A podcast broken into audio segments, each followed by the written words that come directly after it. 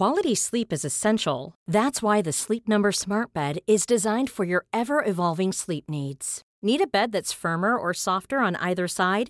Helps you sleep at a comfortable temperature? Sleep Number Smart Beds let you individualize your comfort so you sleep better together. JD Power ranks Sleep Number number 1 in customer satisfaction with mattresses purchased in-store. And now save 40% on the Sleep Number limited edition Smart Bed for a limited time. For JD Power 2023 award information, visit jdpower.com/awards. Only at Sleep Number stores or sleepnumber.com. There's never been a faster or easier way to start your weight loss journey than with PlushCare. PlushCare accepts most insurance plans and gives you online access to board-certified physicians who can prescribe FDA-approved weight loss medications like Wigovi and Zepbound for those who qualify. Take charge of your health and speak with a board-certified physician about a weight loss plan that's right for you. Get started today at plushcare.com slash weight loss. That's plushcare.com slash weight loss. plushcare.com slash weight loss. Hej och välkomna till bögministeriet. Mitt namn är Robin Olsson och eh, jag sitter här med Thomas Karlhed. Hej, hej. Hej. Och Kristoffer Wallercrantz. Hej, jag är tillbaks. Och Alexi, vår eh, gäst för dagen. Hej, Hej. trevligt att vara här. Du är vår hedersgäst idag, men jag tänker... Och, och, eh, det som vi pratade precis sekunden innan så pratade vi om du åt till frukost. Snälla kan du inte åter... Ja, jag är ju Upprepa då eh, allergisk mot mycket, eh, så att eh, däribland gluten. Eh, som jag är otroligt överkänslig mot. Inte så pass allergisk som mjölk. Men, eh, så jag ersätter så att säga mannagrynsgröt med majsgröt. Typ polenta som man rör ihop med eh, mandelmjölk brukar jag göra. Och då blir det otroligt gott. Smakar nästan som mannagrynsgröt. Så majsgröt åt till frukost. Vad åt du mer? Jag åt eh, två eller tre ägg, tre tror jag det var. Eh, en avokado, apelsinjuice, eh, en macka. Ja, så var det. Herregud. Blir, eh, blir du gasig av det här? Hur påverkar den här frukosten dig? Faktiskt inte. Du är inte så gasig? Nej, jag tror inte det. Rå lök kanske är gasigt, men det äter jag inte så ofta. Undviker. Frukost då. Ja. Jag har en sån här grej som liksom, spelar ingen roll vilken mat som å- processar processas i min kropp. Det förvandlas till gas ändå. Det är bara den, största, den gasigaste bögen. I Det tog här- alltså inte ens en minut innan vi var inne på det. Ja, men det, Underbart! Det, det är Skönt sanning. Jag älskar kiss och bajshumor. Bara kör på. Och Jag är jag, Robin också. Så. jag är glad att du säger i mina magbesvär att det är humor.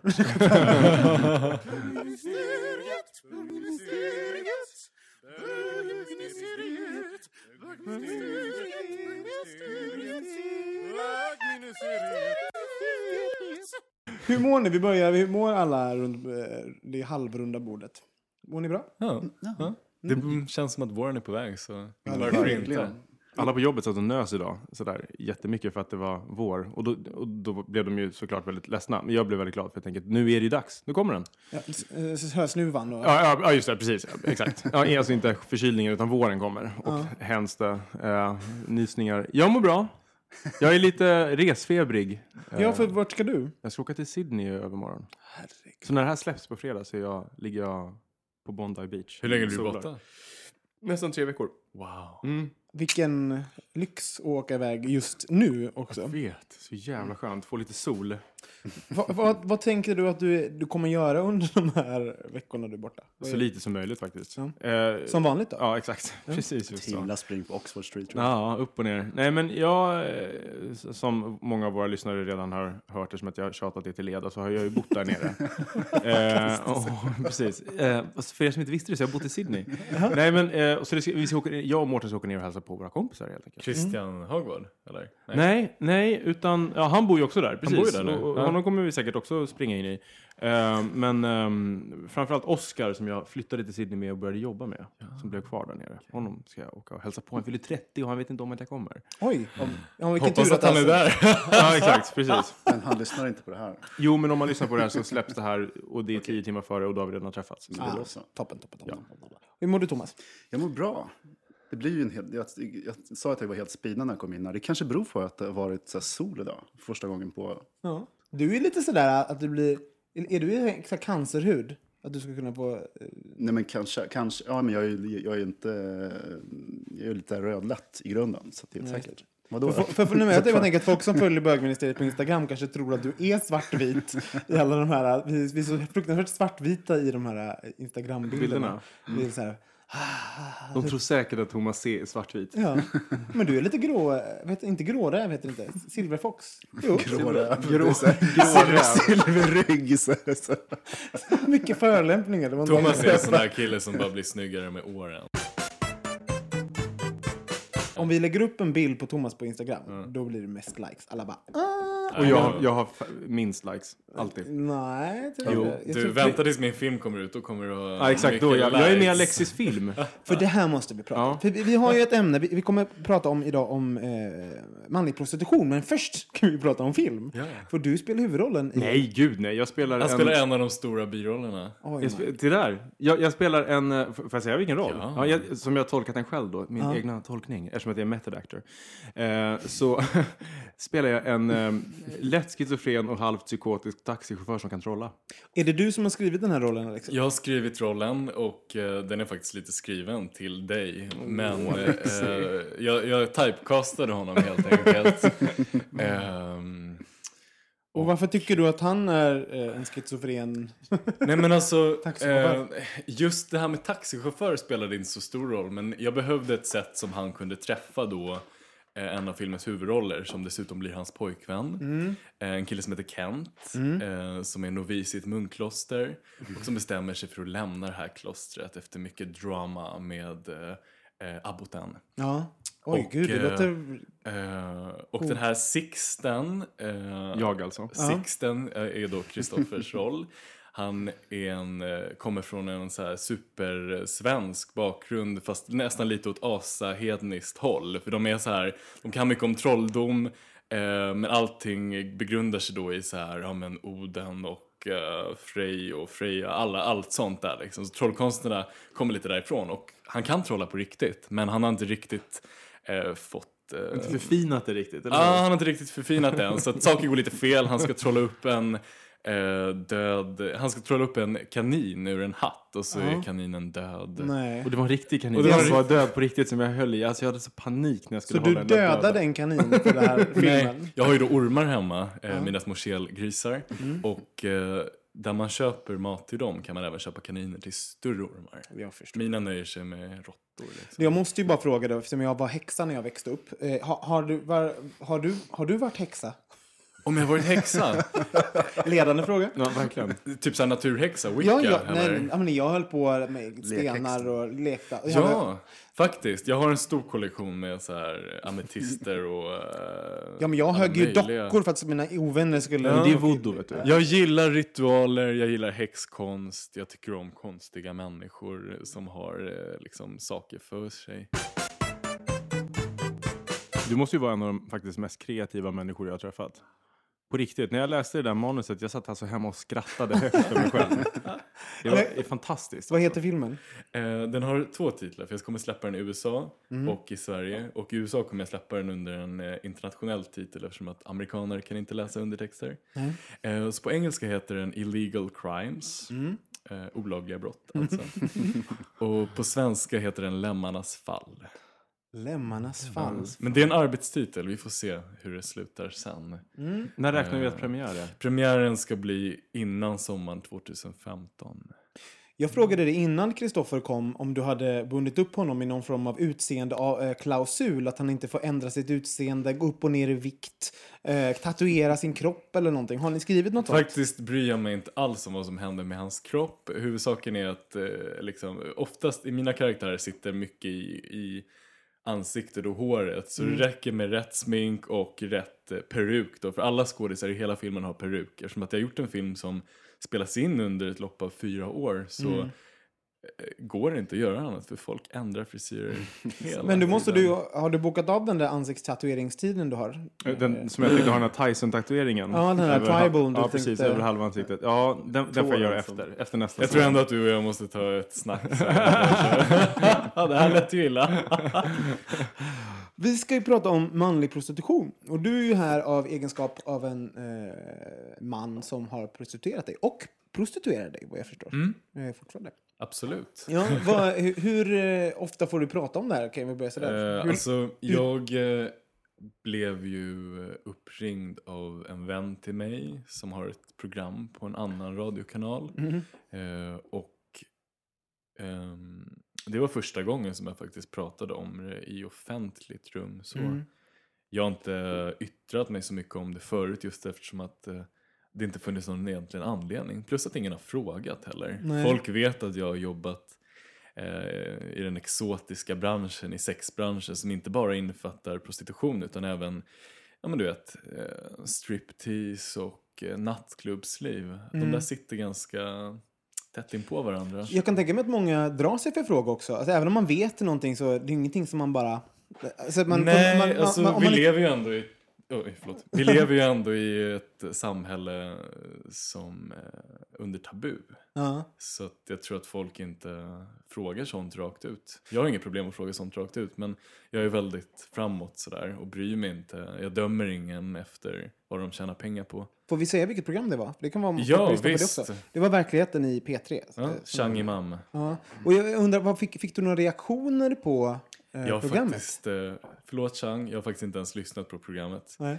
Eh, jag brukar inte lyssna och, eller kolla på saker jag är med i faktiskt. Det är en sån här grej som bara händer. Just eftersom att jag kollar inte på tv, jag är begränsad till internet, eh, sådär. Jag är ganska analog. Mm. Så jag missar ofta att lyssna på dem. Sen händer det någon gång att det slinker in så här två, tre år senare och då bara, ha shit, det där är ju liksom länge sedan. Ah. Så tänkte man då, så var man då. Det blir roligare på något sätt. Mm. Ja. Så inte så mycket reaktioner. andra ord. Nej, men jag vet att vi gjorde ett, eh, hon gjorde ett inslag om mig för eh, fyra eller fem år sedan om striptease. Och då Mm. vid den tidpunkten så var jag 17. Och hon fick jävligt mycket skit för det, vad jag förstår det som. Men jag har inte ens hört det programmet heller. Så Nej. att jag vet inte hur mycket hon tog med och vad hon tog med. Sådär. Var det också i P3? Det var också i Peter, det var också i verkligheten. Fast fem, fyra, fem år sedan tror jag. Vad vad o- ovanligt med någon som jobbar med, ja, du vill en, håller på med film och så vidare och du verkar inte så intresserad av dig själv. Så, det är som bara så här, många hade nog gått in så fort det hade sänts eller suttit liksom och bara lyssnat på sig Alltså själv. både och. Jag är också en superexhibitionist och Ja. har bli, alltså, ställt upp på foto, mycket nakenfoto. Och de bilderna samlar jag faktiskt på mig. Mm. Och har i en liten mapp sådär. Men jag har inte så mycket av mig själv på väggarna. Och eh, jag kan ju verka lite skrytig av mig om mig själv. Om jag har gjort det och det och det. Men på det stora hela i slutändan så eh, bryr jag mig faktiskt mer om andra. Och att jag är mer intresserad av vad andra kan ge mig än vad jag kan ge mig själv av mig själv. Liksom. Det, det är en intressant sak det där att ha. Jag hade faktiskt en bild på mig själv på, på väggen. Kommer du ihåg det Thomas? Mm. I min lilla lägenhet. Som jag fick, jag, jag hade inte tryckt upp den själv men Det jag var väldigt naken. centralt måste jag säga. Ja, men det, men jag Är hade det ju den bara... här när du är typ 17 eller? Nej, men så här, Jonas Norén, Thomas Sitter är i naken. sneakers. eh, Ja, något ja, sånt. Fast det, länge det är, sedan. nej, det är inte 17. Det är faktiskt bara kanske fem år sedan. Är det en av de som vi har lagt upp på bögministeriets eh, Instagram? Ja, Muskel-Robin. Ja, men precis. Han den Den här där. där du sitter lite ihopkrupen. Ja, men den är jag halvnaken i kängor. Det är en typisk Jonas Norén-bild Ja, i det liksom, är kanske snittet och ljuset och sådär. Ja, ja, 2007 ja. eller Ja. något sånt där. Eh, var väl de. Den hade du på väggen. Ja, den, I för jag fick, 70-100. nej, men för att jag fick den av Jonas. Alltså så, här, så att den, den var liksom. Och sen så hade jag ingenting. Så jag satte upp den på väggen. Och det insåg jag att, eh, att ha sig själv på väggen är, eh, manar folk att de måste kommentera det. Alltså så här, ja, jaha, ja, eh, alltså, så- som att jag har bett om en kommentar. Vilket insåg så här, det är ju jättestressigt för folk att inte säga någonting för de tänker att de måste ge mig en komplimang eller någonting. Så du, jag, jag kan ju bara säga Alexa, det är ju helt... Eh, Alexa. eh, Alexis, sa jag. Det var, det, var, det var en annan gäst vi hade. Nej, Alexis sa jag. Eh, Det är helt rätt beslut att inte ha för mycket smör i dina Nej. väggar. För folk, folk som besöker det kommer bli helt... Eh, Ja, alltså jag kan redan garantera att när jag är typ 50 så kommer jag hänga upp alla de där bilderna på väggen istället för att göra typ en, kön, en operation. Liksom, sådär. så det kommer ju hända någon gång. Åh, vad snygg jag var liksom. hur, hur gammal var du när du eh, prostituerade dig för första gången? 14 tror jag. Mm. Ja. Men ehm, jag var ju aldrig någon riktigt girig eh, prostituerad sådär. Utan jag gjorde ju mycket saker också för egen njutnings skull. Och det handlade inte bara om pengar. Även om jag var i stort behov av pengar så gjorde jag vissa av de här jobben också för mitt egna emotionella syfte. Att jag faktiskt tycker om människor så pass mycket som individer. Att, ehm, att jag kände att jag behövde liksom komma ut och lära känna människor och på det här sättet kunde man göra det. Sen hade jag ju otroligt mycket romanser också med andra människor där pengar inte alls var inblandat utan det bara var mentalt utbyte. Liksom, sådär. Mm. Fysiskt utbyte. Det är ju ganska... ehm, jag tror att många, många fantiserar nog om, om att, att prostituera sig. Jag tror det är en väldigt vanlig eh, fantasi. Mm. Eh, men det är, en, det är en ganska stort steg att ta det, att, att göra det. Hur, hur var, kommer du ihåg första gången? Ja, beslutet? Eh, det är lite luddigt det där om vad som var första gången för att min, minnet sviker lite även om jag har ett väldigt bra minne. Men det var en doktor, en doktor, jag tror att han var ursprungligen från Irak. Och vi var i en vit Opel ute i eh, Länna industriområde av alla ställen. Så där. Han plockade upp mig vid en tunnelbanestation. Och vi hade kommit överens om pris och jag var ju så här jättenervös. Liksom, då, Vad var priset? Typ, vad var det? Typ fem hunka tror jag. Sådär. Och vi åkte ut med den här bilen till denna industriområde och jag tyckte det var mest nervöst för att det var så här, vi stod mitt på en äng med den här konstiga bilen. Det var liksom en sån här liten eh, konstig enskild väg som vi hade kört ut på och det fanns någon bonde där. Alltså det var så här mitt ute där. Jag tänkte någon kommer ju se oss, vad är det här? Och jag kände väl mest att det var lite pinsamt då för att ehm, det var ju typ precis i början av så här, jag hade ju legat, jag har legat liksom med folk sedan jag var 12. Men det, det var liksom ganska stora hopp mellan de gångerna. Så det här var också en av de första gångerna. Och, och efter ett ganska långt uppehåll. Så det kändes lite skumt. Men det gick jättebra. Han var trevlig och sådär. Jag kände aldrig några eh, så här, åh han kommer mörda mig-vibbar. Fick aldrig någon Men var du sånt. rädd någon gång? Jag var lite nervös, eh, ja, jag var inte riktigt rädd, men jag var lite rädd att vi skulle krocka. Det var det jag var rädd för, för att han ville att jag skulle suga av honom medan vi körde till den här platsen. medan han körde bilen, så jag tänkte shit nu krockar vi. Så här. Och jag kunde inte gå ner med bältet, så jag fick ta av mig bältet och sådär. Shit. Eh, jag kunde inte gå ner med bältet, så jag fick ta av mig bältet. Ja. Så jag var lite så här, shit nu krockar vi liksom. Visst, man är italiensk och folk kör som idioter, man är van vid det, men eh, det var bara det jag var rädd för. Jag var aldrig rädd för min egna kropp som utelämnad till honom. Så, ja. Jag undrar, var du rädd då? För jag tänkte så här, någonting jag hade varit rädd för. För jag minns att jag, jag var väldigt sexuellt utsvävad själv när jag var precis i den åldern. Och åkte iväg med eh, män i bilar och så vidare. Ehm, eh, men jag kommer ihåg att jag undrade om någonting som till exempel om man skulle vara med om en bilolycka. Nu, om jag skulle dö med den här mannen, då måste min mamma... Alltså det finns en massa praktiska saker som skulle vara lite läskigt. Sådär. Hur, förklaras det att jag liksom dog med en kuk i munnen i en mans bil som... Ja, men sådär. Nej men alltså jag, jag var faktiskt lite smart. Jag hade faktiskt, skri- jag hade faktiskt lämnat en lapp. Alltså jag, jag är inte dum liksom. Oj, så shit, jag ja, har gjort jag. många gånger. Förlåt. Du var dum, jag var inte dum. Ja, men så var det. Nej, men jag hade faktiskt lämnat en lapp. Hej, jag åker hit och dit, typ. Mm. Eh, leta efter mig här om något händer. Eh, Alltså gud, tänk att hitta den lappen och ingenting hade hänt. Vilken panik du hade Eh, då. oh, nej, men jag gömde den ju väl. Alltså, jag gömde den på ett ställe där jag visste att mamma kanske skulle leta om jag inte skulle komma tillbaka. Sådär, Mhm. liksom första stället. Vi är Mm. ändå vi är lite telepatiska, jag och hon. Vi förstår lite varandra på det sättet. Sådär. Vet hon om att, att eh, du har sysslat Jag med tror hon misstänker det, men jag, hon har aldrig frågat. Skulle hon fråga skulle jag svara ärligt. Men Mm. hon har aldrig frågat, så jag har aldrig behövt liksom det är ju, det. det är ju så här, det är sju år sedan nu eh, som du gjorde det första gången. Eller du är 21 nu. Jag fyller 22 i, vad är det för dag idag? Måndag. Jag fyller 22 imorgon. Oj! Gör du? Ja, Grattis! Jag glömmer bort min födelsedag varje år. Gör du? Ja, och alla andra också, så jag menar, det, det är ju inget viktigt. Martyr.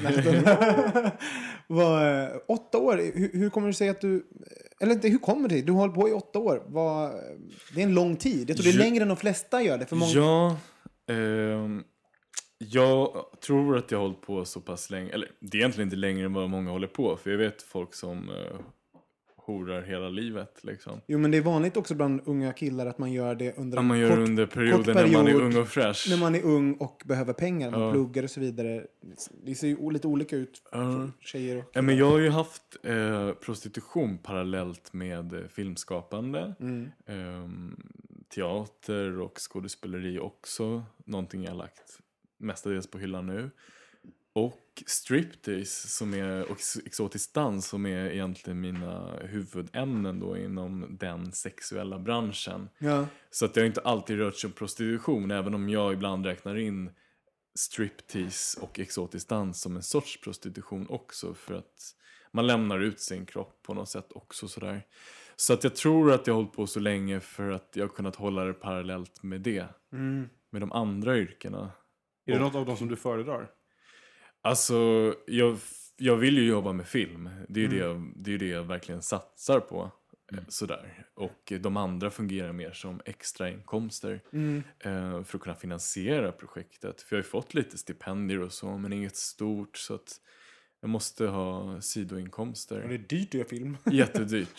Särskilt om man filmar på Super 8. Där, då är det dyrt. Men jag måste bara fråga, jag menar, tanke på mig själv, liksom, jag var så sen i hela min utveckling och det tog mig massor av år innan jag ens hade sex med en kille.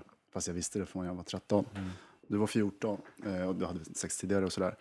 Eh, Men du var 14 när du eh, prostituerade första gången. Det är, ju, det är ju ganska avancerat för den åldern. Eh, hade du några kompisar eller liksom, har du någon i bekantskapskretsen som... Eh, Jag hade inte så mycket kompisar när jag var 14. Jag var ganska ensam som barn. Jag hade lite så här, eh, några kompisar som jag gled ifrån kanske när jag blev 11 och vi bytte skola. Så just då var jag ganska mycket på egen hand. Inte på ont utan mest på gott faktiskt. Men jag hade precis då i den svängen börjat hänga på en fritidsgård för unga HBT-människor. som en så här, åh vad är jag, vem är jag, ska man hitta sig själv lite. Och då fick jag några vänner, kanske lite ytliga eh, bekantskapskretsar egentligen, men som ändå fungerade som vänner. Så jag pratade, jag hade någon att prata med, men mest höll jag det för mig själv. För det kändes bäst. Jag skämdes inte över det så, det var ingen skam över det, men det var mer att jag trivdes bäst. Då är det fortfarande att jag gillar att liksom då ha det för mig själv. Varför tror du att det, att det är så? Att du... Jag tror det är en så här, alltså det är väl någon ärftlig grej kanske hur man är, hur man är uppvuxen men eh, Du menar att du gillar att hålla liksom, eh, nästan jag allt sånt gillar för inte, dig om, om det till liksom? exempel, om det händer någonting så ringer inte jag någon kompis och eh, berättar om det här nödvändigtvis utan jag kan ta det två veckor senare. Vissa människor måste ringa två eller tre personer och bara "Ah, men gud den där gubben körde nästan över mig på gatan sådär liksom. Eh, jag är inte alls så, utan jag kan verkligen ta eh, saker och så här komprimera dem inne och sen kan de få komma ut senare. Liksom. Eh, också att jag inte direkt lidit av, av de sakerna jag jobb, jobbat med. Jag har inte riktigt mått dåligt över det utan kunnat eh, liksom glädja mig åt det mer. Men det där tycker jag är intressant för att oftast när man pratar om prostitution framför Ja. allt så ska det alltid finnas ett mått av skam eller Alltså, det, det, med, alltså den förutfattade meningen är att det är skamligt och att den som gör det utsätter sig själv för någonting som är förnedrande. Hur upplever du kring liksom, den typen av diskussion? Jag tror att det handlar mest om, eh, okej, eh, lite olika saker då, men först och främst den här då bögskammen som många lever med. Bara det här med att vara bög kan vara skamfullt, bara det. Sen prostitution som är otroligt tabubelagt i Sverige och de flesta andra länder. Eh, eh, förlåt, kan du ta om Nej, men så här, eller så här, finns den glada horan? Ja, definitivt. Ja. Alltså den glada horan finns verkligen. Alltså det finns ju eh, föreningar för sexarbetare i Sverige och det finns ju en fantastisk brasiliansk kvinna eh, som jag inte tänker nämna namnet på men som är liksom någon sorts eh, pionjär för eh, att så här, eh, en sorts pionjär för att sexköp eh, ska bli lagligt. Och hon är vad jag vet eh, jättelycklig med sitt jobb. Jag tror att det är extra känsligt. Jag tror att om man bara börjar med det sådär utan att ha någon direkt anledning till varför man börjar med det så tror jag att man eh, har större chanser att må bättre än om till exempel fatt, extrem fattigdom eller så här, jag dör om inte jag gör det här. Då är man ju såklart inte lycklig för att man har inget annat val. Många prostituerar sig ju eh, för att de inte har några pengar alls. Sådär. När jag var 14 så bodde jag hemma och eh, lagade förvisso min egen mat men eh, det var ju mamma som betalade hyran och köpte maten. Så jag hade ju inget egentligt, egentligen behov av de pengarna som jag fick. Men för de pengarna kunde jag eh, göra saker för mig själv och göra film. För att det var någonting som mamma inte hade råd att hjälpa mig med. Till exempel hobbys. Utan mat och husrum täckte. Liksom. Fråga, ställer hon sig aldrig frågan då vad, vad får Alexi de här pengarna och göra de här grejerna för? Tyvärr har jag också lite utnyttjat hennes samvete eftersom att hon är en väldigt godtrogen person. Jag har aldrig rökt, jag har aldrig druckit, jag har aldrig tagit knark. Det har vi kunnat vara överens om. Hon har litat på mig med det. Men jag har sagt att jag har varit och gjort jobb. Eh, och hon har aldrig riktigt frågat vad jag har gjort för jobb. För hon litar väl på att jag... Hon har litat på att jag gör saker som är bra för mig själv och inte utsätter mig för några faror. Och det har jag oftast inte gjort heller. Så att eh, vi har en ganska bra relation på så vis att vi litar på varandra. Vanligt när man, när man pratar om... eh, Jag har intervjuat några eh, som har jobbat med prostitution innan. Och, eh, det skiljer sig väldigt mycket vilket land man är och, liksom, och som du sa vilken, si- vilken situation som har drivit eh, en till att, bara, att man jobbar med det. Eh, och ibland, det som jag tycker är intressant är att ibland är det ju För det finns ju mycket stigma, men ibland finns ju, det finns ju också saker som är värre än prostitution. Alltså så här, som, det beror på hur man värderar olika saker. För vissa människor är det värre att städa någons hus. Det är mycket mindre stigma med att vara, eh, eh, liksom att jobba med, med ja, hemtjänst eller liksom torka någons skit eller städa hemma hos någon. Eh, men för någon är det mer förnedrande eh, än till exempel jobba med prostitution. Som jag, jag pratade med några i Amsterdam som tyckte så bland annat. Liksom. Ja, det här skulle jag aldrig kunna tänka mig att jobba med. Nej. Men prostitution, det tycker jag är... Det är intressant vad, hur man värderar. eh, lite sådär. Vad, Men kommer inte det från, från det som du precis pratade om Alex? Att så här, det är så många som hamnar i den branschen för att de har inget annat val. Och det blir en väldigt utsatt position när det är det som är fallet. Och det är det man liksom förknippar hela den branschen med och alla som, håller, som utövar det på något vis. Uh, Medan det såklart inte är så. Men jag Exakt. tänker att det är det som ligger till grund för den typen av stigma. Jo visst, och sen är ju också sexbranschen är ju så otroligt smutskastad av folk som gör folk illa. Eh, till exempel trafficking som är helt fruktansvärt. och det är två olika Det är helt två diskussioner. olika världar. Men jag tycker att eh, till exempel eh, har jag en åsikt om att eh, kontrollerade bordeller skulle fungera mycket bättre än prostitutionen som sker över internet och på gator. Även om den fortfarande skulle ske, om man hade bordeller så tror jag att eh, folk skulle råka mindre illa ut och folk har ett annat sorts val. Om det kunde ske på lite mer fint sätt kanske. Sådär. Gud, jag har svårt att, äh, verkligen svårt att se det i Sverige dock. Alltså, sådär, Mm. Vi är nog långt därifrån. Vi är nog långt därifrån men jag kan tänka mig att det kommer komma i framtiden. Ju mer ett samhälle öppnar sig desto mer öppet blir det också för de sakerna som inte är öppna. Och det är ju ett av världens äldsta yrken. Liksom, Jag, Ja. jag misstänker ju att det inte kommer försvinna, Nej. prostitution. Nej. Jag bara vet att, ehm, jag vet ju av egen erfarenhet då, att jag har pratat med andra människor som eh, jobbar med prostitution. Och då vet jag att folk får illa. Och då, då har jag kommit på det här med att men shit, vi borde ju försöka starta en nå- något liksom community på något sätt sådär istället. Nu är jag på väg ut ur den här branschen. Det här var någonting som jag kanske tänkte för flera år sedan. Men ehm, ja, det hade ju varit schysst. För att folk som är, alltså rent spontant, är man 14 år och ska så här eh, sälja sex så är man jävligt utsatt. För det finns människor som är elaka och vill en illa. Tänkte, Som på, kan ha övertag. jag tänkte 14 år, idag skulle det, den personen skulle åka in på, för våldtäkt idag, enligt den lag, lagstiftningen som vi har. Ja visst, absolut. Men är man, är man, eh, när man är 14 år, är man, är man ehm, i stånd att bedöma det själv? Liksom? Alltså, jag skulle ju aldrig, eh, jag skulle aldrig utnyttja någon människa på så vis att så här, eh, du vet, säga något namn och få någon att åka in och tjäna pengar på det.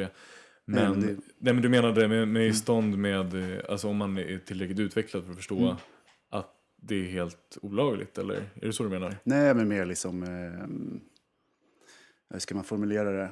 Förstår man konsekvenserna, konsekvenserna av vad 14 man gör. Liksom, det är mer så. Utan att Fast nu förutsätter vi att det finns konsekvenser. Ja, absolut, den, då finns det ju ju. en dom i det att, att Ja, konsekvenser... det kan finnas konsekvenser. Kan finnas. Ja, men att, eh, för att man är ju rent eh, både juridiskt och fysiskt ett barn fortfarande. Mm. Absolut. där kommer vi också in på det som jag nämnde tidigare här med hur det emotionellt funkat för mig. Eh, för jag har ju då, som jag säger, hjälpt människor eh, som jag vet har jättesvårt träffa andra människor. Så då väljer man det här som det sista utvägen innan extrem depression eller till och med självmord liksom för att man har svårt att Men är det så? För jag tänker att det är ut. ganska många som tror jag går igång på det faktum att de får betala någon också. Alltså att det finns någonting i det rollspelet. Eh, Eller det kanske inte är din erfarenhet? jo, jo, visst, förlåt, förlåt, nu skulle jag bara försöka, Ja, eller, jag vet inte vem, vems fråga jag svarar på. Svar, prata Eh. först om det du började på. Ja, och så jag, när jag började med det där så var det redan de tankarna som spann i mitt huvud. Att jag så här, men jag vill hjälpa folk så här. Jag kanske inte vill jobba som, som du sa, städare eller jag kanske inte vill jobba på sjukhus. Men jag vill hjälpa folk och kanske få ut deras sexuella drömmar och fantasier. Så jag visste det, men jag tror inte att folk Eh, för jag hade ju ganska mycket skinn på näsan då sådär redan. Alltså jag hade varit mycket för mig själv och läst mycket böcker och gjort mycket och, och liksom gjort lite research om det där. Jag bara kastade mig inte riktigt in i det heller. Så jag tror att eh, jag förstod verkligen konsekvenserna och jag visste definitivt att det var olagligt och att jag hade en otroligt bra hållhake och sådär. Eh, men jag är för snäll för att så här utnyttja någon och så här känna mig utnyttjad. Uh, fick du svar? Eller ja, inte riktigt. Men, ja, kanske. Det, blir, alltså, det är ju, nej, men jag tänker också sådär, jag kommer ihåg första gången jag, jag ens hade sex med mig själv så kunde jag efteråt drabbas av en sån här fruktansvärd skam. Eller liksom, så jag tycker det var jättejobbigt. Eh, det var inget, ingenting som du kände så här, efter de första gångerna i de situationerna. För mig blir det fascinerande. För jag är, det är, Mm, mm. Nej. Nej, jag tror inte det. Inte alls faktiskt. Alltså det, det, jag, det var kanske någon gång att man så här. Jag hade ju nästan aldrig oskyddat sex då. Men det var kanske någon gång när det hade hänt så här att man kände lite Planning for your next trip? Elevate your travel style with Quince. Quince has all the jet setting essentials you'll want for your next getaway, like European linen, premium luggage options, buttery soft Italian leather bags, and so much more. And is all priced at 50 to 80% less than similar brands. Plus, Quince only works with factories that use safe and ethical manufacturing practices. Pack your bags with high-quality essentials you'll be wearing for vacations to come with Quince. Go to quince.com slash pack for free shipping and 365-day returns. Quality sleep is essential. That's why the Sleep Number Smart Bed is designed for your ever evolving sleep needs. Need a bed that's firmer or softer on either side? Helps you sleep at a comfortable temperature? Sleep Number Smart Beds let you individualize your comfort so you sleep better together. JD Power ranks Sleep Number number 1 in customer satisfaction with mattresses purchased in-store. And now save 40% on the Sleep Number limited edition Smart Bed for a limited time. For JD Power 2023 award information, visit jdpower.com/awards. Only at Sleep Number stores or sleepnumber.com. There's never been a faster or easier way to start your weight loss journey than with PlushCare. PlushCare accepts most insurance plans and gives you online access to board-certified physicians who can prescribe FDA-approved weight loss medications like Wigovi and Zepbound for those who qualify. Take charge of your health and speak with a board-certified physician about a weight loss plan that's right for you. Get started today at plushcare.com slash weight loss. That's plushcare.com slash weight loss. plushcare.com slash weight loss. så shit alltså det där var inget bra, varför tänkte jag inte på det? Sådär. Det är säkert inga problem för den mannen är gift och har tre barn och är väldigt så här, selektiv med vem han ligger med då. Sådär. Men eh, Alltså nej, faktiskt aldrig känt det. Jag har aldrig, det är där, därför också jag har kunnat hålla på så länge. Jag mår faktiskt mycket mer dåligt eh, i filmbranschen än vad jag gör i så här. Det låter konstigt att säga, men det är mycket mer press i filmbranschen än vad det är i sexbranschen, Ja. definitivt.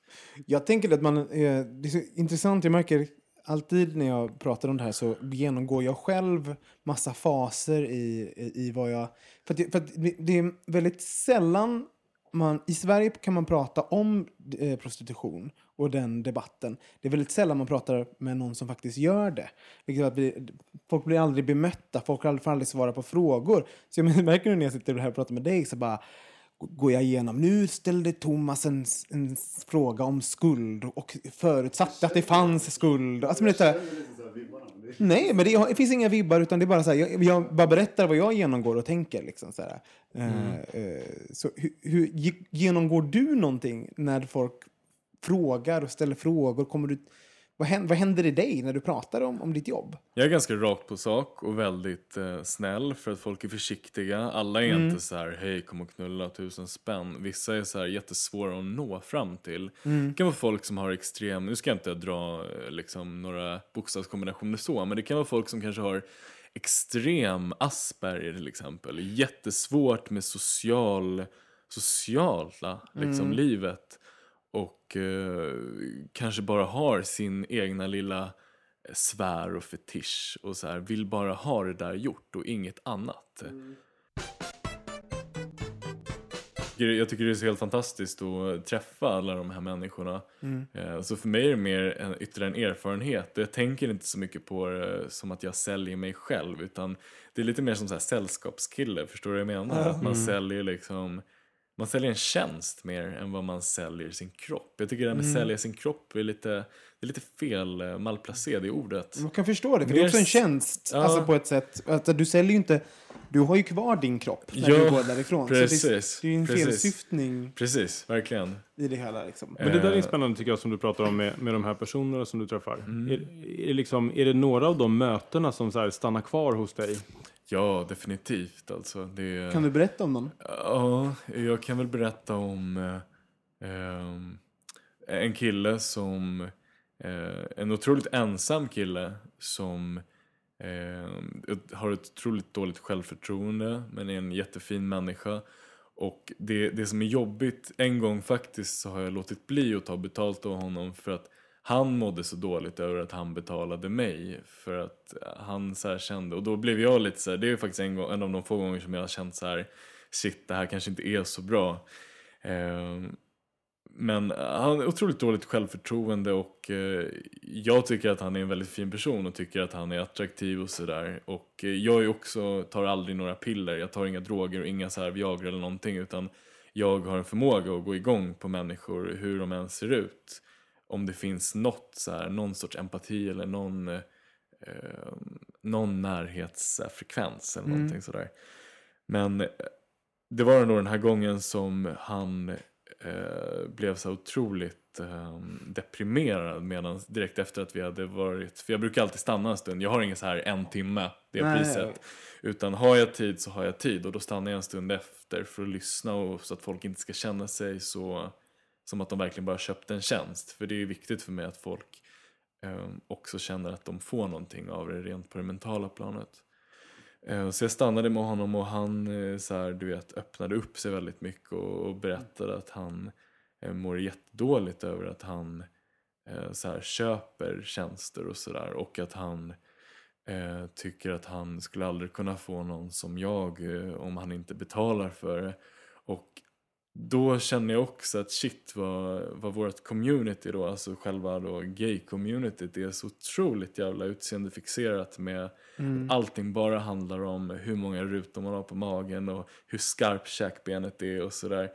Jag kände shit alltså det finns så mycket mer och det tror jag att jag har fått som någonting positivt eh, ur sexbranschen då att jag också lärt mig att att så här, du vet, tycka om människor oavsett. Att det inte bara mm. handlar om yta. Men du måste, ju helt otroligt. du måste ju träffat på eh, skitstövlar också. Ja, alltså liksom. i, så här, i, eh, i två fall av tio så är det katastrof. Definitivt. Mm. Alltså så här, folk har jättedålig hygien, luktar jätteilla. Det är svårt att ta sig igenom. Alltså mm. det är lite avtändande. Hur gör du då? Biter ihop.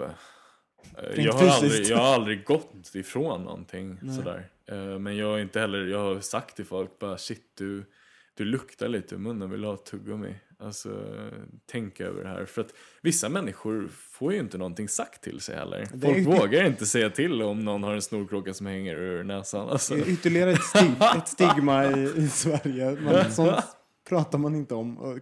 Folks kroppsdofter och liknande. Nej, precis. Men Alltså, finns- ja. Sorry, fin- finns det några likheter mellan de eh, som köper dina tjänster? Är det någonting så här genomgående, ett genomgående drag som du ser återkommer? Mm. Ja, Bra fråga. en jättebra fråga. Jag måste tänka lite här igenom dem.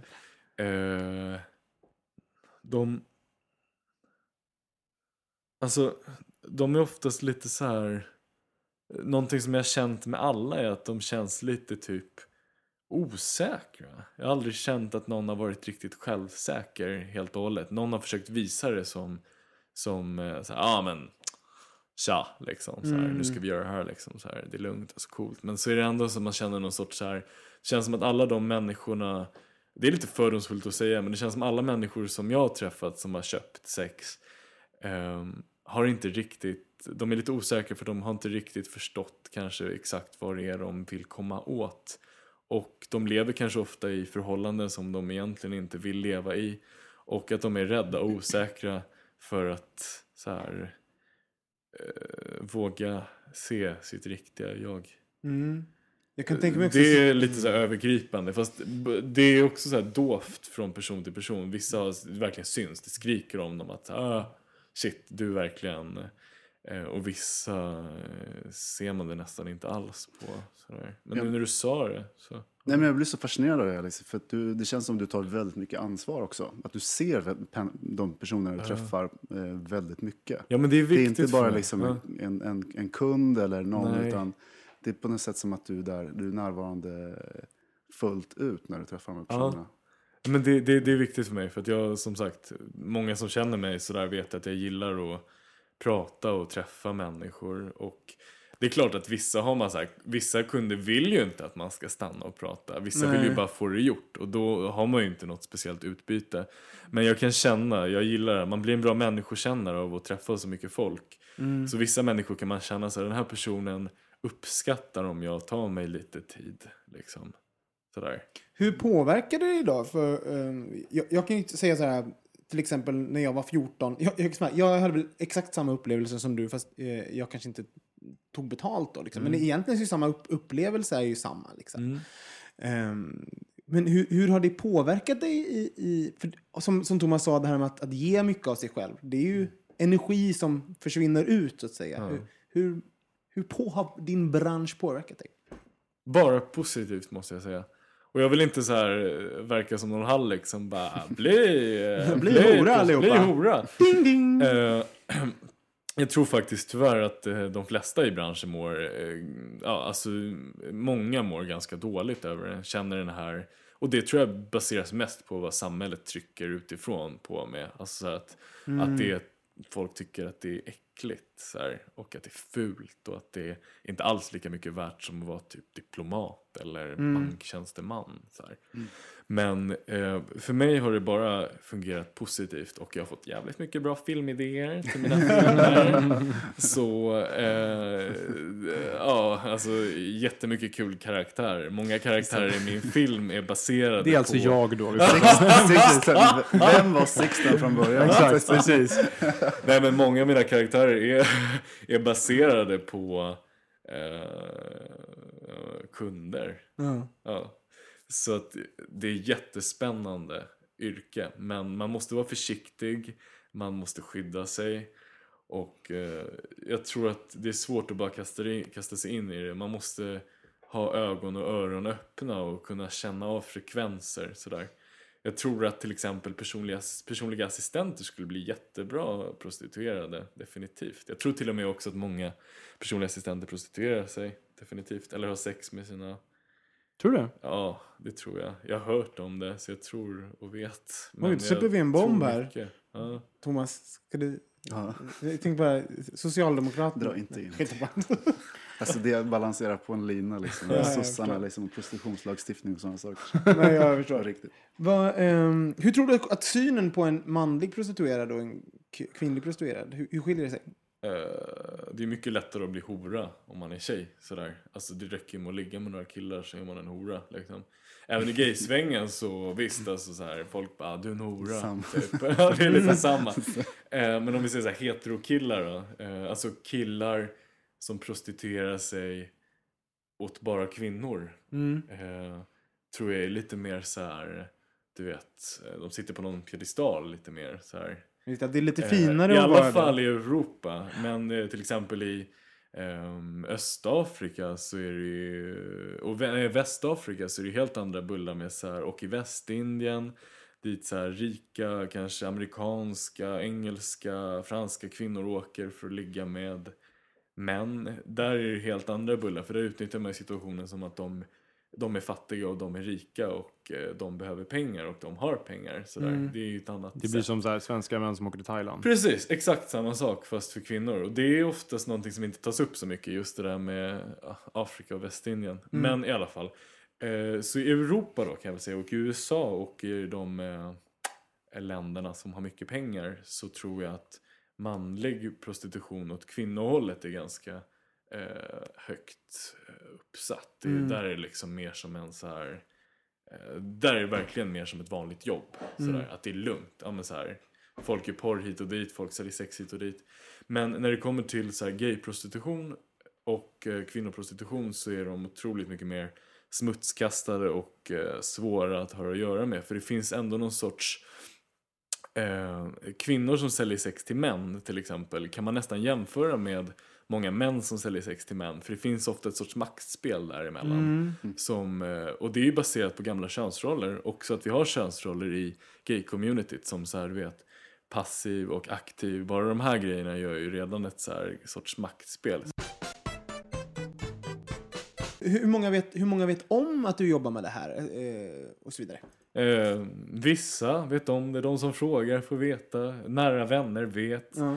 Eh, bekanta vet inte oftast. Alltså, jag ljuger inte för någon heller. Eh, skulle någon fråga skulle jag svara visst. Liksom. Jag har gjort det. Så här. Mm. Eh, men många av mina kompisar själv har hållit på med prostitution. Kanske telefonhoror, allt möjligt. Liksom. Eh, min en av mina närmaste vänner hon har jobbat som eh, telefonsexförsäljare. Mm. Eh, och det är ju ganska nära inpå. Eh, Hur, hur, eh, är det ett aktivt beslut du har tagit med, med hur, hur, hur upp, öppen du är med det, så att säga? Eller är någonting... Jag är lite försiktig för att eh, jag är mindre försiktig för att jag vet att jag aldrig kommer vilja bli skådis mer än vad som erbjuds. Alltså jag kommer aldrig så här försöka bli någonting framför kameran så. Eh, och jag vet redan nu att jag säkert har sumpat mycket jobb för det finns bilder på nätet om man kan hela mitt namn och googlar hela mitt namn så vet jag att det dyker upp saker. Mm. Men eh, jag bryr mig faktiskt inte så mycket för att jag måste också kämpa lite för ett mer öppet samhälle och någon måste ju börja. Alla kan inte bara rugga tillbaka och gå under pseudonym utan det måste ju finnas eh, det måste ju finnas folk som vågar Står i bräschen liksom? Ja, för annars händer det ju ingenting. Vad ska vi göra då om allting bara står still? Mm, jag fattar. Jag tänker också att de jobben som inte du får på grund av dina pole dancing-bilder på nätet eller så, de jobben kanske du inte vill ha. Nej, nej, nej men exakt. Jag vill nog inte Ja, ha jag dem känner dig det. Jag. Men hur, hur, hur hittar liksom dina kunder dig? Jag har ju ett kontaktnät, en så här stammiskontaktnät med stammisar. Numera mest stammisar, inte så mycket nya kunder. Mest eftersom att eh, det är lätt när man lär känna en människa, det går smärtfritt. Det är inte så mycket de här två fall av tio som är jobbiga. Nej, liksom. Inte så mycket dåliga lukter, man kan varandra lite. Ja. Eh, och vissa har jag faktiskt till och med, eh, som, alltså vissa människor träffar jag också bara för egen njutnings skull. Jag har liksom slutat göra en, ett jobb av det. Sådär, att det har övergått mer i en sorts romans. Oj, så, så folk som Eh. har betalt innan och sen har ni... Ja, nej, men du vet när man har känt varandra så här fyra, fem år så känns det nästan lite eh, det blir lite konstigt till slut nästan. Men hur Från va- båda sidor. För det- Jag är bara så fascinerad för du, du har en sån annorlunda inställning till, till det hela. Äh, Inbillar jag mig att du har. Det vet, det vet inte jag. Men, men ehm, hur, hur vanlig är din, in, din inställning till, eh, till ditt jobb och, och sånt. Hur vanlig den är? Ja, hur vanlig är den? Jag, menar, jag tror det är vanligt att en, eh, någon som jobbar med prostitution som har tagit betalt av en person, Mm. sen att det övergår till en romans så att man väljer snarare... Jag tror att det är ganska vanligt att folk så här blir kära. Jag har aldrig riktigt blivit kär i någon så. Jag kan inte påstå att jag någonsin har varit kär heller. Eh, jag vet inte om jag är en sån som person som bara blir kär och vill vara med en person så. Men jag tror att det är ganska vanligt att man så här blir förälskad i alla fall. Eh, och att, eh, men sen också att det utnyttjas som ett sorts, som, som jag sa, maktspel. Att så här, eh, att det kan bli mer, att det kanske är mer från den ena sidan än den andra. Till exempel, ja men vi har ju typ Pretty Woman som ett så här klassiskt praktexempel. Ja, Då, så här, hon behöver pengar, han har pengar och han älskar hennes sällskap. Så för honom gör det ingenting, för han har pengar. Så det spelar ingen roll. Och det här är ju inte bara i prostitution. Det finns ju många rika som har fattiga partners. Och eh, det blir liksom ingenting av det. Det blir inget jobbigt av det. För att det, den personen har ju så äckligt mycket pengar. Och eh, det blir liksom, det blir inget konstigt. Men i Pretty Woman har jag alltid tänkt, jag tänkte på det när jag var liten också, att det var, eh, det fanns någonting i det här när att han älskade henne ändå. Alltså så här, förstår ni, så här, trots att hon var den här. Ja. liksom horan då. det är ju, liksom, som man det är ju ganska hemskt. Alltså sådär, förstår ni? Sådär, och, och, så, och, vilket jag alltid var såhär, jag var lite, jag, klart man var glad när han klättrade upp för det jävla huset i slutet. Men samtidigt var jag såhär, han varit lite gött om, om hon hade bara, fuck you, jag Ja, alltså det är, det är ingen sån nice film för prostituerade på så vis, om man vinklar den så. Verkligen inte. För att det är så här, den får ju verkligen, eh, den visar ju lite de tuffa sidorna av att vara prostituerad. Så här. Men hon, det är någon som blir mördad, eh, det är skitjobbigt, fattigt sådär. Och hon grät första gången. Alltså, sådär. Det visar ju, men hon, hon hade väl inget riktigt val eller vad, vad jag förstår som i den filmen. Liksom, sådär. Så nej, absolut. Alltså, han älskade henne trots att hon var Ja. Eh, ja, ja, nej. Du sa ju att du inte gillar ordet, ordet prostituerad, men vi använder inte hela, hela Alltså jag tycker att det är som att säga homosexuell. Det låter typ som en så här facklig term från så här 40-talet som borde suddas ut. Jag tycker det är så, så här medicinskt placerat. Så jag äcklas av det. Och samtidigt har vi inte nått till den punkten som man har gjort med bög, att man äger den. Så att jag menar, det är inte så att man säger Men vad hor. föredrar du då istället? Alltså typ eh, hora. Jag så? tycker typ det är ganska soft liksom. Jag vet inte, för att det, det känns som att det också är precis som bög. Alltså det kan användas negativt och det kan användas positivt. Eh, jag hatar ordet fnask, jag tycker det är skitfult. Så här, alltså. Det låter som en någonting ur så här Kalle Anka, knatte fnatte, eh, knatte fnaske. fnaske. Men jag säger ju aldrig så här, jag jobbar som hora. Eller jag extra knäcker som hora. Jag säger ju mer så här att jag jobbar inom sexbranschen. Och sen om folk vill specificera det så får de väl göra det. Så här. Du, hur, hur, vad är den vanligaste frågan du får när folk får veta om ditt yrke? Typ så här, hur länge håller du på med det? Hur mycket tjänar du? Det, är de, det är de vanligaste frågorna. Hur mycket tjänar man? Så här. Och vad, vad tjänar man? det är du. Allt mellan eh, 500 och eh, 10 000 typ. Så här, är det någon som vill ha typ så här, tre knivar i ryggen, två rep runt halsen och så här, bli ingipsad samtidigt som man häller typ stearin på dem. Då får man höja priset lite. Då behöver du ju assistenter. Ja, nej, men nästan så här. Då höjer jag priset lite. Och, För det, så här. för det var väl så som du och Kristoffer träffades, eller hur? När du gjorde Absolut, exakt jag, jag, var, jag var assistent. Jaha, nej, jag trodde det var du som blev in, fick tre knivar i ryggen. och Exakt, och blev in... sen, sen fick jag spela i hans film. så I fuck my way to the top. Hey. Ehm, nej men alltså det, det är så många frågor, det är så spännande. För det är så, ja, det är så sällan man liksom träffar någon som gör det här och som är öppen med det som man får fråga. Men en fråga som jag har, Ja. det är hur har det här påverkat ditt liksom, privata sexliv? Ja, bra fråga. Eh, jag försökte undvika den. Aha. Eh, det har påverkat mitt privata sexliv på så vis såklart. Det kanske är en, en av de få då negativa, om vi ska hitta något negativt i det, är att eh, jag är lite skadad eh, av det faktiskt. Alltså mitt sexliv eh, jag har ju inget att jämföra med egentligen, men jag tror inte att mitt sexliv hade varit på samma sätt om jag inte hade eh, jobbat med det jag jobbar med. Nej. Jag har svårt att bli kär. Jag vet inte om det riktigt är baserat på det. Eh, Jag har svårt att skaffa mig relationer. Jag har svårt att få relationer att hålla.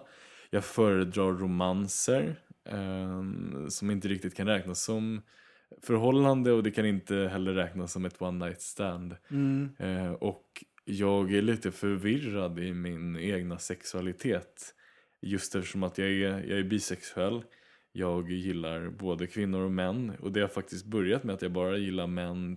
Från att, från att jag faktiskt bara gillat båda två. Till att gilla bara killar. Till att börja gilla båda igen. Mm. Eh, Så det här är någonting som går fram och tillbaka. Och det tror jag kanske är en ganska vanlig förvirring. eh, Jag tror det är vanligare ja, det är vanligt än man Mm. tror tror jag. Men jag tror just det där med relationer är lite eh, sabbat kanske. Inte för alltid förhoppningsvis. Nej, det, det Eller så det beror på hur det var du någon som sa det, alltså jag, jag gillar ju lite så spirituellt och har varit och så här spådamer ibland liksom, och så fått framtiden tolkat typ. Och det var någon spådam som bara, alltså du är ung och jag ser här att när du närmar dig 30 plus minus, då händer det grejer. Typ. Så jag får väl vänta tills jag fyller 30. Men det är ett tag kvar. Men vad skulle hända om eh, du blev kär? Skulle det påverka din, eh, det du gör? Eh, ja, det skulle det nog göra, tror jag. Det beror lite på hur, vad den personen eh, gör. Sådär. Jag vill ju vara öppen mot dem jag tycker om. Så att om den personen bara så här, eh, sluta med det så skulle jag nog sluta med det. För att det är någonting jag ändå har tänkt att sluta med. Varför har du tänkt att sluta?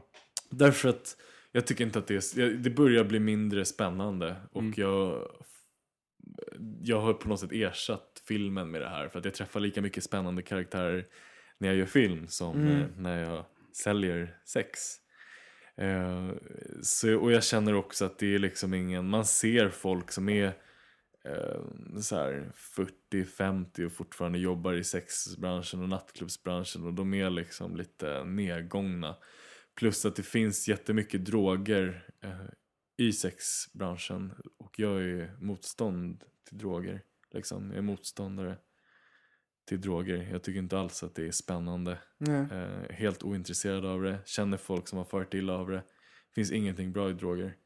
Och eh, det är synd i sex, liksom just bland prostituerade horor. Alltså det är synd med droger. Att det ska behöva spela så stor roll. Hur, hur ehm, eh, som, som du säger, att, eh, att, att det inte är lika spännande mer. Men jag är- blir ändå förvånad att du fortfarande finns någon form av spänning. För jag menar alla, jag tror de flesta kan säga att efter åtta år i vilket yrke som helst Ja. så är det väldigt få saker som är spännande. Ja, Så här, I alla Nej, fall, men jag börjar bli gammal. Nej, men så här, Herregud. ja, men det känns så. Alltså, det, jag känner mig, det, det är skitkonstigt. Vissa dagar känner jag mig som så här. Jag vet inte, det är därför jag också ofta glömmer bort min födelsedag och min ålder. För jag känner så här, shit jag vet inte hur gammal jag är egentligen. För att vissa dagar känns min kropp som att jag så här, är 60. Jag känner mig, jag orkar inte göra någonting liksom sådär. Ah, det gör ont, lederna värker. Andra dagar springer jag runt och hjärnan är så här eh, fem liksom. Så här som alla känner. Men eh, jag tror att den här, liksom, det här jobbet har gjort att jag ja, blivit lite tidslös. Och jag tror så folk uppfattar mig ofta så också, lite tidslös. Folk kan inte riktigt gissa ålder på mig om de inte vet. Så här. Men du känns ju mycket äldre än vad du är. Ja, och ibland känns jag yngre än vad jag är. Jag tror att om jag, om jag får barn och barnbarn så kommer de barnbarnen vara så jävla eh, open-minded. Så här, som man aldrig... Jag tror att eh, även om vi tror att vi är som mest öppna nu tror jag att det är ingenting mot vad det kommer vara om 60 år. Så jag tror jag kommer kunna så här, sitta med mina barnbarn och bara ah, när morfar var hora liksom sådär på, på 00-talet. Det var tider det. Alltså det. Jag tror att det kommer bli så pass öppet och eh, om jag får den familjen jag vill ha, om jag någon gång vill ha en familj så kommer de vara så öppna liksom. Gör vad du vill, bara du inte tar droger eh, och eh, super ner dig själv totalt och dör i någon gränd någonstans. Så är jag nöjd liksom. Jag intervjuade en kvinna en gång som har jätte, hon liksom försörjer sig på att ha matsex med folk. Helt briljant. Och hon var ju så, hon bara, think about the texture. Alltså det ska vara olika temperaturer och textur och allt sånt där. Hon var Oh, wow. jätteavancerat. Och verkligen så här, jag blev lite inspirerad. Alltså typ en kuk doppad i chokladsås på 32 grader är liksom... Då uppnår du den här. Ja, men liksom sådär. Och, men hon var väldigt så här, och jag, det var det som gjorde mig så fruktansvärt glad, att hon var också väldigt praktiskt lagd. Hon bara, gå in på toaletten och gör det. Sätt, sätt er i duschen, sätt en ögonbindel och bara häll liksom olika vätskor och slicka. Men blir hon kåt när hon går och storhandlar då? Blir inte alla det? Jo, ja, kanske. Men du hade inte haft matsex? Alltså inte... Gud vad tråkig du är Alex. glassex har jag inte haft. Ja, men Matsex har vi matsex inte då? sagt något Nej, om. matsex då? Jag har jobbat, eh, jag jobbade faktiskt på, eh, ska vi se nu då, eh, Mejan, alltså Konsthögskolan. De, Mm. deras, de hade två elever som gick ut då efter fem år, det är så långt man kan gå. Då blev jag anställd som så här naked with sushi. Ah, Så det är väl kanske lite så här matsexhållet. hade, sådär. du, hade du sushi på snoppen? Eh, ja, det hade sant? jag. Fast det var ett bananblad över. Ja. Jag har alltid undrat hur man gör kanske just inte det där. äta. Eller så hade man. Hade ni ätit sushi, snoppsushin? Thomas? Kristoffer? Det är klart att de hade. Thomas hade gjort det, men Kristoffer, hade du? Vad fan? Alltså rå, det är någonting med råfisk som inte funkar På kön? på, på kropp. Ja. Vadå, du- vad- är det jobbigare på kropp menar du än, Ja. än bara... Alltså, ja, alltså ja, det- om den ligger där länge, flera timmar är det ju inte så härligt. Men då är det ju det Ja, men jag vet problem. inte. Hellre choklad och så. ja nej, jag, jag är för, för praktisk. En liten nigiri, va? nigiri där på snoppen. Precis. Bara man inte får wasabi på. Ja, just det. Åh, gud. Sånt där. Jag, jag är alltid så förvirrad. Med att jag tycker att lagstiftningen måste definitivt se över. Och, men eh, för, framför allt på grund av den här anledningen. Att det kommer inte försvinna. Det här är någonting som Nej, aldrig kommer försvinna. nej, och det, vet. finns, det, det är så absurt att behandla någonting som någonting som är Ja, övergående. ja, och ja. att man kan eh, ha, eh, ha lagar som ska på något sätt kommer ta bort något Nej. när vi vet att det inte kommer ske. Eh, sen vet jag inte hur man ska hantera det. Jag har ingen aning, ingen lösning. Ja, jag tycker men, bara det är en, eh, det är en konstig Jag kan tycka att många lagar i Sverige är lite knasiga. Till exempel liksom, det är förbjudet att köpa det är förbjudet att köpa sex men det är tillåtet att ha sex med djur. Alltså det, är så här, det finns så många olika... Mm. Men det är det inte längre. Liksom... Ja, tog de bort det nu? Det är borta. Ja, i år. Thank Okej. Där God. ser man. Tabbe bara, från min "Woof, sida. Jag läste att de skulle ta bort det men jag trodde det skulle ta ännu mer tid. Okej. I alla fall. eh, jag tycker också att det är konstigt att det inte legaliseras. För det skulle inte bli mer av att det legaliserades. Eh, det kanske skulle liksom bara hålla sig på samma nivå. Bara att jag tror att det skulle vara... Man skulle kunna fånga upp de som är där av fel anledning. Precis, exakt. Det skulle bli lättare att göra, Det- göra folk av Det finns, ju folk. ingen deba- nu, det, finns ju ingen, det finns ingen debatt egentligen. Eller debatten sker från folk som inte har någonting med det att göra oftast. Så jag, jag tycker att det är... Det är ju jättedebatt. Ja, men alltså debatten sker ju inte... Det är ju inte så att man pratar med eh, Alexi. Alltså, sådär, för det, det kommer ovanifrån. Men alltså, jag tycker så här, det är ju inte där skillnaden görs. För nu har vi även, även om det är olagligt för torskarna, liksom, så att säga, Ja. så de köper ju ändå. Liksom, eh, ja, jag, jag, jag har ingen lösning på det. Jag, jag bara Nej, det är min... svårt det där. Alltså, det är Det- liksom, jag, tror inte, jag tror bara att om det legaliserades, alltså det, det är ju det som hänger på. Om de legaliserar eh, om de legaliserar, att man, alltså om de legaliserar sexköp, Mm. då kan ju folk ha bordeller hur som helst. Och eh, trafficking kanske skulle kunna bli mer vanligt. Så Mm. på så vis, alltså jag vet inte riktigt. Men eh, det, det är svårt, jag har inte satt mig in så mycket i det ämnet. För jag är inte så politiskt aktiv Nej. i just Nej, jag, jag, eh, är, jag är likadan. Jag har inte heller någon Nej. lösning. Jag, det enda jag fastnar på hela tiden är att jag vet att det inte kommer försvinna. Och i så som det ser ut nu så, så tycker jag att man trycker ut det i en, någon form av gråzon. Mm. Eh, Så att det, jag vet inte. Ja, skit i det. Eh, har ni någon mer fråga till Alexi? Ja, Jag är väldigt nöjd. Herregud vad generös du är måste jag säga. Ja, tack snälla för att du kom hit. Och vältalig och fin. Jag ser fram emot filmpremiären. Sen som jag bara talar i metaforer. Nej, vadå? det var väl jättetydlig och klar. Hur känner du dig efter en sån här... Men bra, det känns normalt som man säger på ryska. Eh, alltså, eh, I feel normal. Trevligt. I feel normal too. Hur känner du dig? Är ni normala? I feel normal alltså. Thomas? Mm, normal. Det har du inte gjort sen. Gud vad hemskt, jag försöker undvika det ordet. Normal, ja, jag Ja, vet. det är Det, ett hemskt bara, ord. det bara knöts i munnen kände jag. Det bara, inte det Normal. fantastiskt att det, det är liksom nästan ett, börjar bli ett stigma kring att säga ordet normal? I love it. Men det har varit det ganska länge tror jag. Ja, det är men det är en sån här ganska vanlig grej som man säger i typ, också i Italien händer det, men det är så här, i många slaviska länder så är det så här I feel normal. Alltså sådär. I Frankrike också. Ja, C'est normal. c'est normal. Låt oss säga ett helt normalt adjö. Tack Alexi. Tack så mycket. Tack snälla. Kristoffer och Thomas, puss på Puss er. och kram. hej! Hej, hej!